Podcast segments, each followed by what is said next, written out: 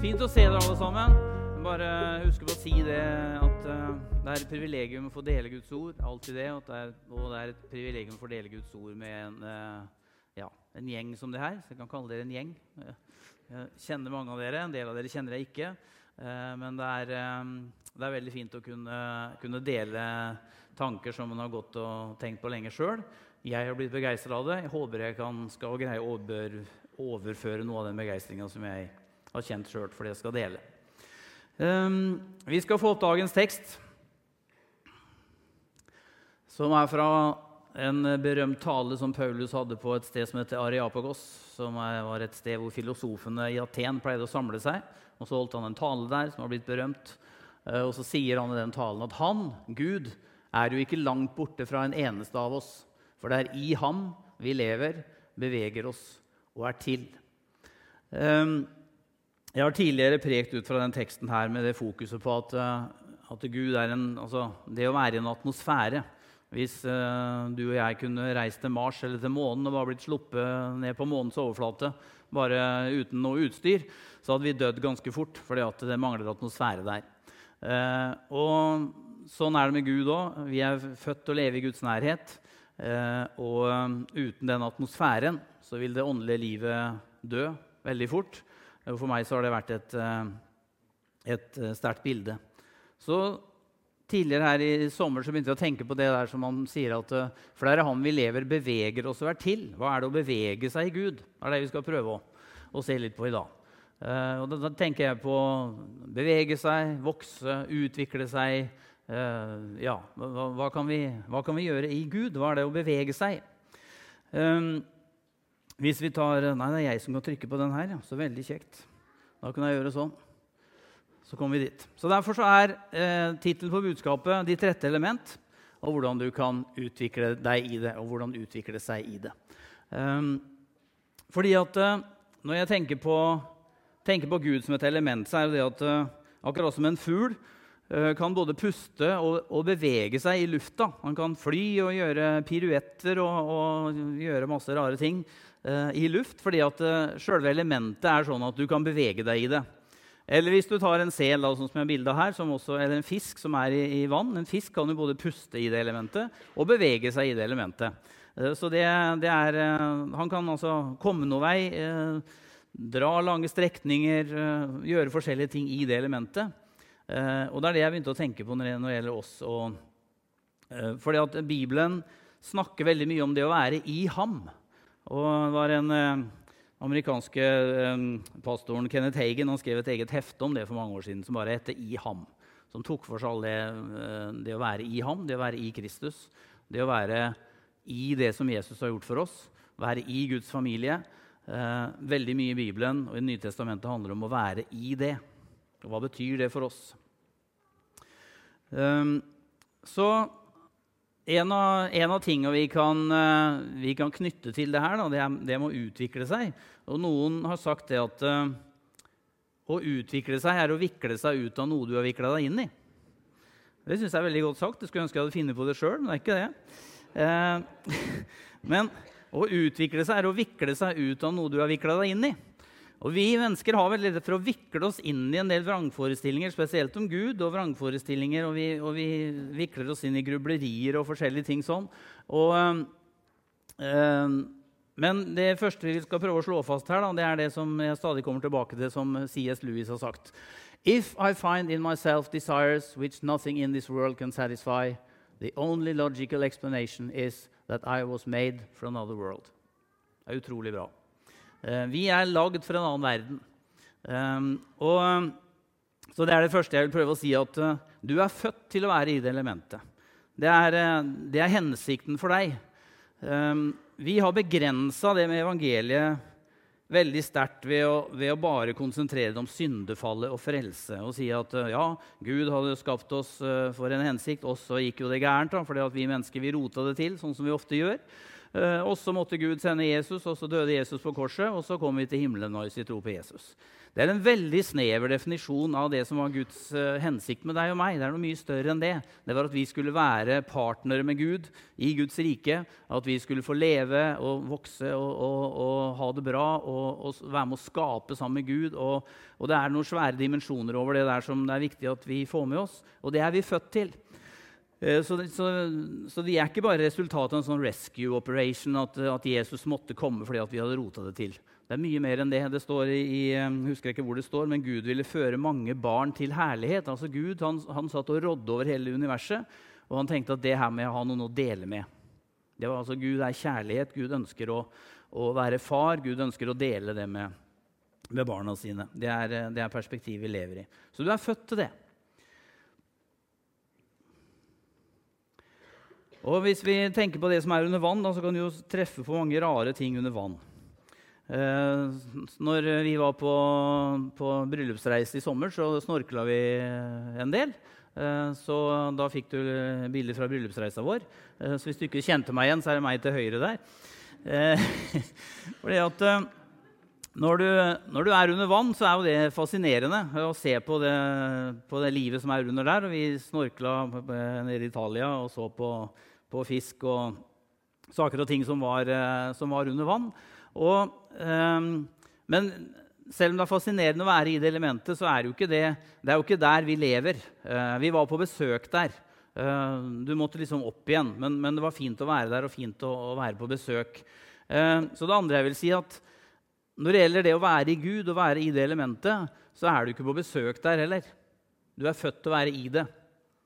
Og jeg har inntrykk av og, fra mitt eget liv at noen ganger så oppfører vi oss som kristne som vi er på besøk i Guds rike. Du er liksom på turistvisum. At, det, at, den faren ligger der at et eller annet kan skje liksom, som gjør at plutselig så, så går det visumet ut, liksom, og så, så, er du ikke akseptert lenger. Eller så er du ikke velkommen, eller så har du gjort et eller annet som gjør at uh, du liksom hører ikke til. Og Det er kjempeviktig å, å hvile i det at du, du er født til det, og du er ikke på besøk. Er, eh, det er meningen du skal være der, og du bør ikke tenke at når som helst kan det skje et eller annet som gjør at du ikke er akseptert. Og, så når vi snakker om det å utvikle seg og bevege seg og røre seg, så vet vi det fra psykologi og alt mulig at skal du i hele tatt komme noe vei i livet, så er det en atmosfære og omgivelser som går på aksept, kjærlighet, oppmuntring, at du er godtatt. Det har alt å si for at du kan utvikle deg. Og hvis det er et sted du kan føle deg godtatt og akseptert og velkommen og som en naturlig del av det hele, så er det Guds rike. Du og jeg hører til der. Du er ikke på besøk. Det er ikke turistvisum. Og du skal ikke, uh, du skal ikke tenke at, uh, at, du bare er der og observerer. For noen ganger så bare observerer vi det som skjer, uten å kjenne at, er, at vi kan ta del i det. Uh, og det er kjempeviktig at vi gjør. Um, du er heller ikke i Guds rike på nåde. Ja, men så sier du men jeg, jeg trodde det var av nåde. Ja, det er av nåde, men du er ikke i Guds rike på nåde. Jeg skal prøve å forklare forskjellen. I Lukas 15 så leser vi om den kjente fortellingen om eh, den fortapte sønn. En sønn som da var arving hos faren sin, og som ba om å få utbetalt arven på forhånd, og som dro ut til et annet land og rota bort alle pengene og havna til slutt som grisepasser. Uh, og jo mer, fadese kan du ikke gjøre da, med å rote bort alt, hele arven, verdigheten, alt sammen. Så bare sitter du der i grisebingen og, og spiste samme maten som grisene for hele tatt å overleve. Og så bestemmer han seg for å ydmyke seg og gå hjem til faren sin. Og, mange av dere kjenner historien. Uh, og litt sånn, uh, liten sånn en uh, digresjon der. for Jeg traff en, en, ung fyr på utsiden her på 316 for mange år siden utafor mølla. Eh, for vi tar det for gitt at en del folk kjenner til bibelfortellingen. og Sånn eh, Sånn er det ikke lenger. Eh, så jeg traff han, og han spurte, det var ungdomsklubb her, og han spurte om det, om det var sånn at man kunne få komme inn gratis hvis du kunne sitere Johannes 3, 16. For det var en sånn greie. Det er mulig at det var sånn også, da. Ja, og Så spurte jeg hvor mye han kunne, da, eller hva, hva slags skriftsteder han kunne. Ja, han kunne, Jeg hadde vel akkurat hørt om det med Johannes 3, 16, og så hadde han hørt om den bar barmhjertige samurai. Det var det han hadde hørt om.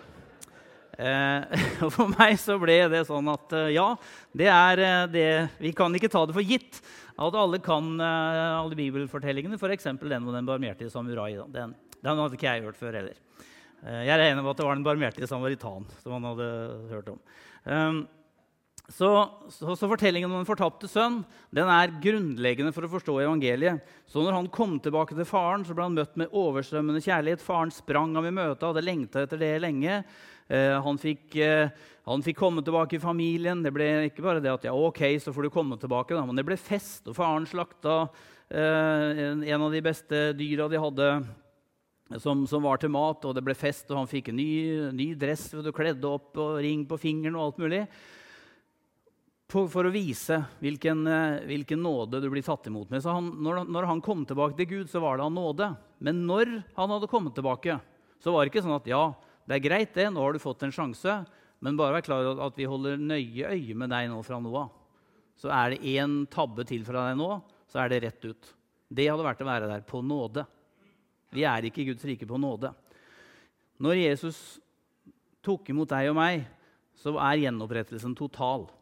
Uansett hva du har gjort, uansett hvilken fortid du har, så er gjenopprettelsen total. Du er der som du aldri hadde gjort noe gærent. Så når det står at han fikk ring på fingeren, så er ingenting overlatt til tilfeldigheten i den fortellingen der. For det å få ring på fingeren det var ikke bare for å pynte seg. Det var signetringen som hørte til familien.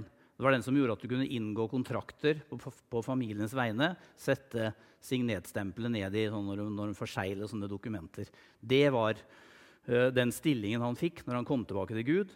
Vi mennesker har en merkelig evne som jeg sa, til å vikle oss inn i ting. Oppfatninger om at de er nok ikke bra nok, og, og den følelsen at du er der på nåde. Du er ikke det. Opprettelsen er total. Gud er elementet som du kan bevege deg fritt i, og som du kan trives i. Eh, salige Karsten Isaksen, prest som hadde en enorm forkynnerevne, han var her en gang òg. Eh, han sa det at mange kristne lever på en armlengdes avstand til seg selv. De forholder seg bare til de sidene ved seg selv som de tror at Gud liker. Og de har det ikke godt. Og det hadde han veldig rett i. Og jeg, og, og syns det bildet var så godt at man lever på en armlengdes avstand til seg selv. Fordi at man, han har egentlig vanskelig for å godta seg sjøl og vanskelig for å tenke at da Gud kan godta meg, eller andre kan godta meg. Jeg skulle ønske at du følte at det å være i Gud, være i det som Jesus har gjort, det er å være i et element hvor du er trygg, hvor du er hjemme, hvor det er den naturligste ting av verden å være der. Og sånn skal et menighetsmiljø være også. Så hvis vi Skal vi se Hvis vi tenker på den selen, da Nei, Vi kommer til den en eller annen gang lenger ute her òg, skjønner du. Så det var jeg som rota litt med presentasjonen her. Fordi at eh, det å være i ham, da, det er sånn at det er ting du kan gjøre når du er i, i det elementet som du ikke kunne gjort utafor. Så Paulus sier at alt makter jeg i ham som gjør meg sterk. Og på den annen side så sier Jesus at 'bli i meg, så blir jeg i dere'. Slik som greinen ikke kan bære frukt av seg selv, men bare hvis den blir på vintreet. Slik kan heller ikke dere bære frukt hvis dere ikke blir i meg. Jeg er vintreet, dere er greinene. Den som blir i meg og jeg i ham, bærer mye frukt. For uten meg kan dere ingenting gjøre. Da var vi der. Jeg syns det med selen var et ganske, eh, ganske godt eksempel. Og, jeg tenkte på det når jeg hadde, var og, og snorkla sjøl, at eh, jeg er nok ikke like grasiøs eh, som en sel i vannet. Selv om kanskje kroppsfasongen begynner å, kan begynne å ligne på det. Eh, men men hvis du tenker deg en sel som ligger på land, så er ikke det så veldig grasiøst bilde. Den driver og aker seg fram og gjør noen sånne ganske hjelpeløse bevegelser for i hele tatt å bevege seg. Og For meg så ble det et veldig godt bilde. For når vi prøver å gjøre ting i egen kraft, som vi pleier å si Som Jesus sier at 'uten meg så kan dere ikke gjøre noen ting'. Når vi prøver på ting, sånn, å få til ting, så blir det gjerne sånn som en sel på land. Det rare er at en sel som ligger på land, det er det samme individet, det er det samme fysiologien. Du kan gjøre de samme bevegelsene. Hvis en sel hadde gjort det i vann, så er resultatet himmelvid forskjell. Det er helt noe annet. Den samme bevegelsen som du prøver å gjøre på land, som bare framkaller omtrent ingenting, den samme bevegelsen gjort i sitt rette element, kan plutselig få den selen til å bli grasiøs ballerina og gjøre piruetter og, og, og leke og, og, svinge seg rundt og være, og være i sitt rette element. Og, og sånn er det med også at uh, vi, vi, prøver og vi strever og vi prøver å få til ting. Vi prøver å få til livet vårt. Og, og som en sa, det er ikke bare vanskelig å være kristen, det er egentlig umulig. Uh, hvis du skal greie det sjøl. Du kommer aldri til å greie det sjøl, men du kan greie det i Gud. Du kan greie det i den atmosfæren, i det elementet av aksept. Og, og, at du vet at du er godtatt, og at det her greier ikke jeg sjøl. Så når du gir opp og prøver sjøl, bare er i det, så ser du at plutselig så, så kan du det. Så når, Istedenfor at du prøver å liksom skubbe deg fram, så, så, opplever du at når du, er, når du ser det her, hva det vil si å være i Gud, hva det vil si å være godtatt, så er du plutselig en ballerina. Så kan du gjøre piruetter. og du kan, ikke sant? Det er, det er himmelvid forskjell på hva du kan gjøre. Og noen ganger vi vet det, vi som ja, Når du driver med forskjellige ting og, og, og som når vi, når vi leder lovsang òg, som jeg har gjort en del sjøl, mye forresten, så er det sånn at noen ganger så liksom kjenner du at ja, du, liksom, ja, du prøver å få til noe. Du har aldri opplevd det, Sara. kanskje. Så. Men ja. Og så tenker du ja, ja, liksom det var, vi, vi, vi, ga jo det vi hadde. Men andre ganger så bare, så bare er du i det, og så, så er det, så er det en, en, atmosfære, og du bare kjenner at ja, det var i hvert fall ikke meg. Var jeg kunne aldri ha, ha fått til det her. Du, bare, du, er, du, er, i det. Og du bare, gjør en, kanskje, du bare gjorde en sånn liten ting, og så plutselig så, så, blir det noe stort fordi at vi er i vårt rette element. Og det er en, eh, en fantastisk følelse, en fantastisk opplevelse. Og selv om ikke du du vil jo ikke føle det hver dag, at du er en ballerina, at du bare driver og gjør piruetter og sånn, for at dagene er forskjellige. Men du vet at uansett hva jeg gjør og ikke gjør, så er jeg i det her. Uh, og Noen ganger så bare kjenner vi at vi ruler, og andre ganger så er det litt mer sånn at vi Men det er godt å vite at uansett hvor du, hvordan dagen er, og hvordan følelsen er, så vet du at jeg, jeg, er i det her. Jeg er i mitt rette element. Og Da, da kommer vi inn på det med nådegaver også, selvfølgelig. Da, når det er det med også, når Paulus sier at jeg, jeg, kan gjøre alt i ham som gjør meg sterk, så er det sånn at eh, Bibelen snakker om nådegaver òg. At vi kan få spesiell utrustning eh, som en kristen til å til å kunne utføre ting som vi aldri kunne gjort ellers. Det er en del av å være i det elementet. Det er en egen bibeltime. Det med nådegaver. Eh, så da er det jo sånn at selve elementet inviterer jo til spesielle ting, akkurat som en fugl. Uh, flyr ikke bare fra A til B som en sånn derre Ja, vi, vi, skal jo herfra og dit, så vi gjør det. Nei, selve elementet innbyr til å leke seg og til å ha det fint. Så ser du fugler som kan, kan uh, benytte seg av oppdriften og ligge og sveve på, på, på vindstrømmene. ikke sant? Og de kan fly og leke og sånn. Og det samme gjør jo hvis du ser på, hvis du ser på seler. Så driver de og leker seg også. Det er en del av livet. De gjør ikke bare nødvendige ting, men de har det fint, og de leker. Og... I den gamle oversettelsen, den 1930-oversettelsen, som jeg leste fram til jeg var 18 eh, år, eller noe sånt, der står det til og med om å leke. Så når, Paulus snakker om at dere, skal, at dere synger og, og, og hva det står da, i, i, i, deres hjerter for Herren, så står det og synger og leker. står det, den gamle oversettelsen. Så det er lov å leke seg. Det er helt naturlig. Elementet inviterer til det. For hvis vi ser på uh, den der så er det Skal vi se Den skulle vært eh, Der skulle ikke hatt vært med, så er det litt sånn spoiler her nå, da. Men hvis vi tenker oss at, at um, Nei, du får ikke se den ennå, altså. Det var, det var kjempetabbe. Men det fins definisjoner på hva, hva, luft består av. Som du så litt i et glimt der. da. Det, det, er, det, består av visse ting. Hvis ikke det er det, så er det ikke luft. Um, eksempel, hva er det i luft? Få høre nå. Oksygen, selvfølgelig. Noen tror at vi går og puster inn ren oksygen, men det er det ikke. Andre bestanddeler i luft? Nitrogen. Nitrogen. Veldig bra. Visste du det, eller så, så leste du der? Du er lærer, du. Du er lærer, du, vet du. yes. Så luft har en del typiske bestanddeler. Hvis ikke det består av det, så er det ikke luft. Så Det det, definerer det elementet. Det består av det. Vann, det er Kom igjen da, folkens. Annet navn på vann. H2O var det noen som sa. Helt riktig. Det er to Åssen er det? Er det to hydrogenatomer og ett uh, oksygen, eller omvendt? Andreas? H2. Da er det to hydrogen og ett oksygen? Ja. det er vann. Definisjonen på vann. Hva består Guds rike av, da? Ja, og to kan du godt si livets vann. Eh,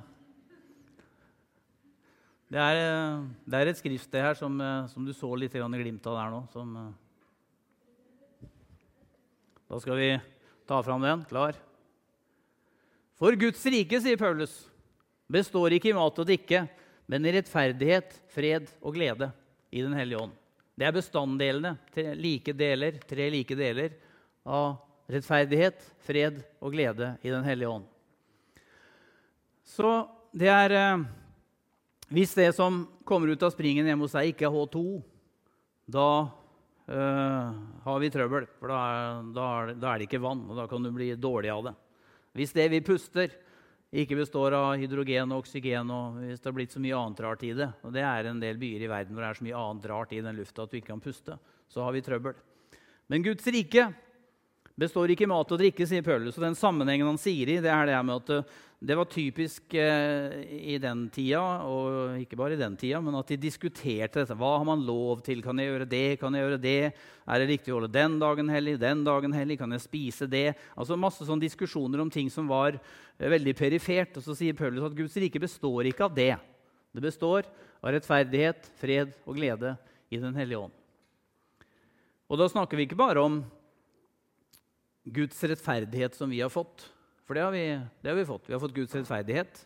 Men vi snakker også om rettferdighet i verden og i livet.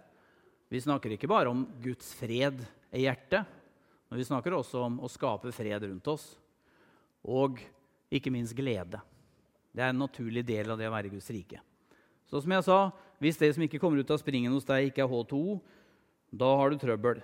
Hvis det vi driver med, ikke frambringer rettferdighet, fred og glede i mennesker, da er det ikke Guds rike vi holder på med. Da er det noe annet. Da er det menneskeverk. Eh, og for ikke å, for å bruke sånn understatement da, Jeg tror det at mye av det som har vært drevet med i kristenheten oppover, har ikke nødvendigvis hatt så mye med Guds rike å gjøre. Dessverre. Og Det er derfor folk har fått et feil inntrykk av det også, og ikke har fått oppleve den godheten og den kjærligheten og fred og glede som er i Jesus fordi at mye av det vi har holdt på med, ikke har fremma det. Det har ikke hatt de rette bestanddelene. Det har ikke vært rettferdighet og fred og glede. Så hvis vi leser det Jakob skriver Jakob var broren til Jesus, den biologiske broren. Og når han prekte, så var det dynamitt. Og så sier Jakob bl.a.: Mine søsken, dere kan ikke tro på vår Herre Jesus Kristus, herlighetens Herre, og samtidig gjøre forskjell på folk. Sett at det kommer to menn inn i forsamlingen deres, den ene i staselige klær og med gullring på fingeren, den andre fattig og i skitne klær. Så legger dere merke til ham med de staselige klærne og sier, 'Vær så god, her er en god plass.' Men til den fattige, 'Du kan stå der', eller 'Sett deg her ved føttene mine'. Har dere ikke da skapt et skille blant dere? Er dere ikke blitt dommere med onde tanker? Hør, mine kjære søsken, har ikke Gud utvalgt de fattige i verden til å være rike i troen og til å arve det riket han har lovet dem som elsker ham. Men dere har foraktet den fattige. Er det ikke de rike som undertrykker dere og drar dere fram for retten? Og er det ikke de som spotter de gode navnene som er nevnt over dere? Dersom dere oppfyller den kongelige lov i Skriften, du skal elske de neste som deg selv, da gjør dere rett. Men gjør dere forskjell på folk, da synder dere, og loven anklager dere som lovbrytere. Så Jakob, han, der var det, der var det rene ord for penga. Eh, det var såpass dynamitt, det som Jakob skrev i brevet sitt, at eh, Luther fikk trøbbel med det. Så Luther mente egentlig at Jakobs brev ikke skulle vært med i Nye Testamentet. Fordi at Han syntes at det krasja litt med Luther. Hadde jo sett veldig det her med troen alene. Du, at, at, du blir frelst bare ved tro alene. Så sier Jakob at du kan ikke bare si at du tror, og så er det ellers ingen andre tegn i livet ditt på at du faktisk gjør det. Uh, og det er jo sant. Uh, ikke, du blir ikke frelst av gjerninger. Men det er nå gjerne sånn da, at når vi tror på Jesus og vil ha han som, som, herre i livet, så er jo målet vårt å ligne mer og mer på Jesus. Så, uh, så vi må nok gi Jakob rett til at man kan ikke bare gå rundt og, og si at man tror, og så, og så, er det ingenting annet som, som peker i den retningen whatsoever. Så, er, så, samfunnsengasjementet til Jakob det lå ganske langt framme. Han sier at det må, det må, vise seg i livet. Og dere kan, ikke, dere kan ikke gjøre forskjell på folk i menigheten på den måten der. Så Jakob han sa også til, eh, senere ut i brevet at, eh, til, til, dere som er rike, at husk at den lønna dere holdt igjen for arbeiderne som, som har vært og jobba på åkrene deres, den begynner å rope ganske høyt nå. Så jeg tror at Jakob var medlem av arbeiderbevegelsen. Altså på en eller annen måte. Kanskje han som starta arbeiderbevegelsen.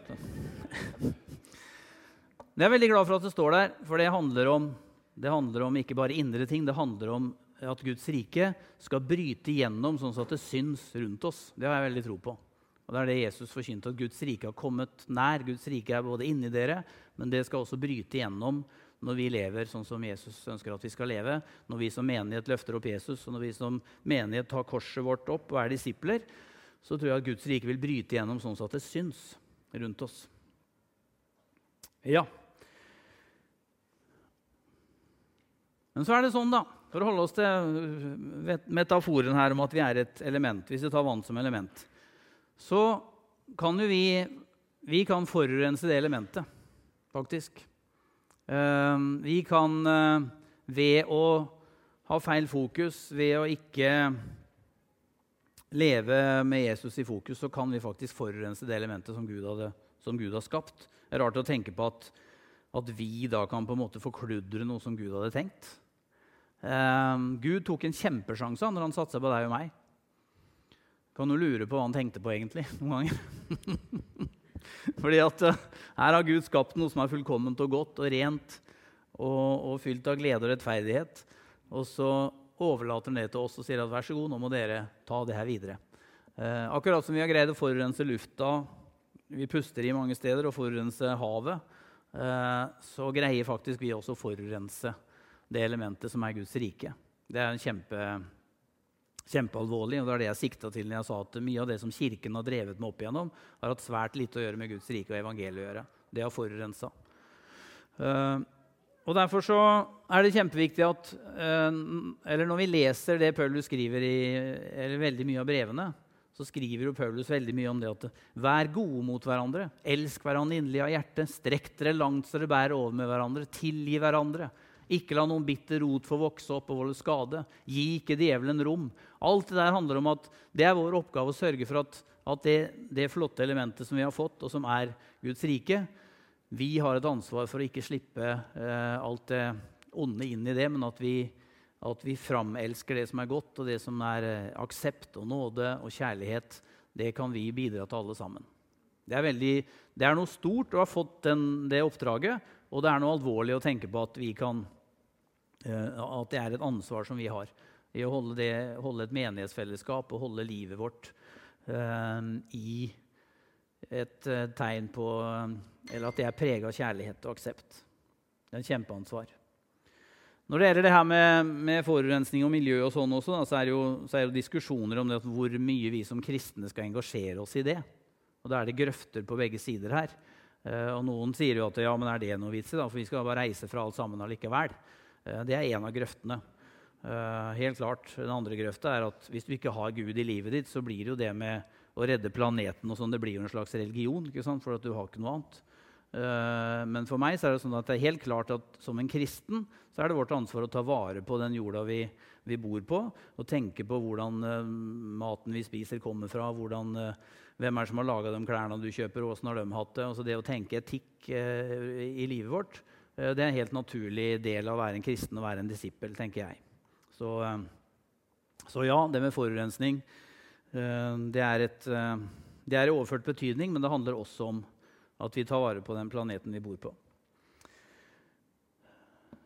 Yes.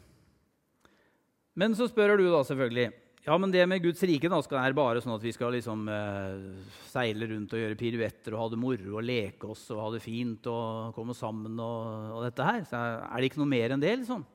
Jeg er veldig glad for at du stilte det spørsmålet. For det er noe mer enn det, nemlig. For det handler om disippelskap. Så når vi snakker om utvikling og vokse, så er det å vokse inn i oppgaver i Guds rike. Vokse inn til å bli det som, som Gud ønsker for deg og meg. Til å ta ansvar, til å få en tjeneste, til å være med å, å eh, vise hvem Jesus er til det rundt oss, og være med å, at Guds rike skal bryte fram eh, i det livet vi lever, og i den verden vi lever i. Så et godt bilde på det var jo han eh, Her vet du han Daniel. Det er fint.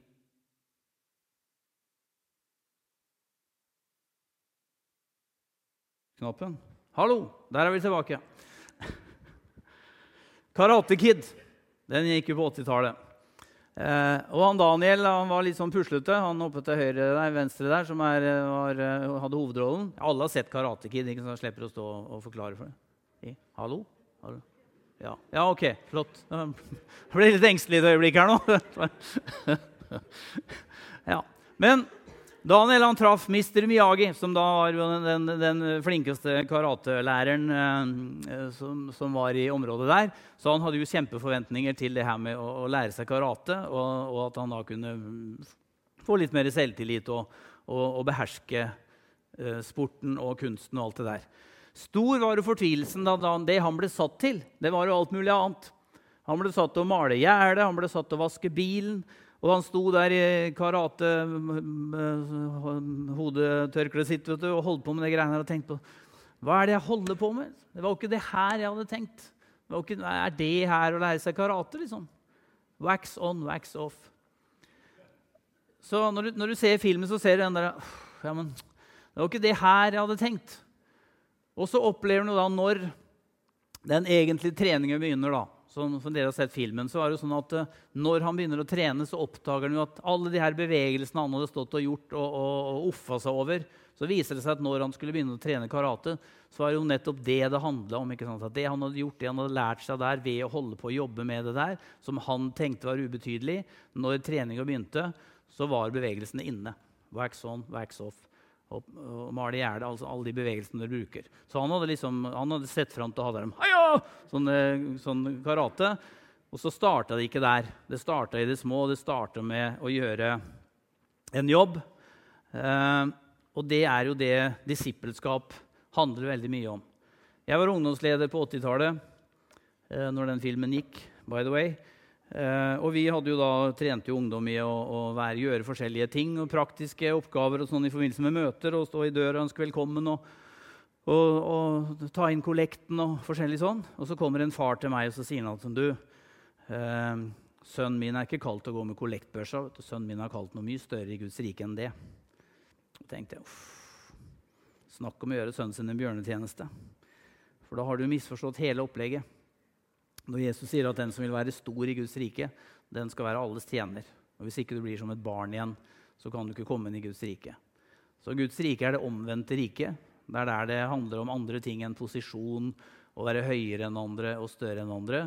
Men Guds rike handler om disippelskap og etterfølgelse.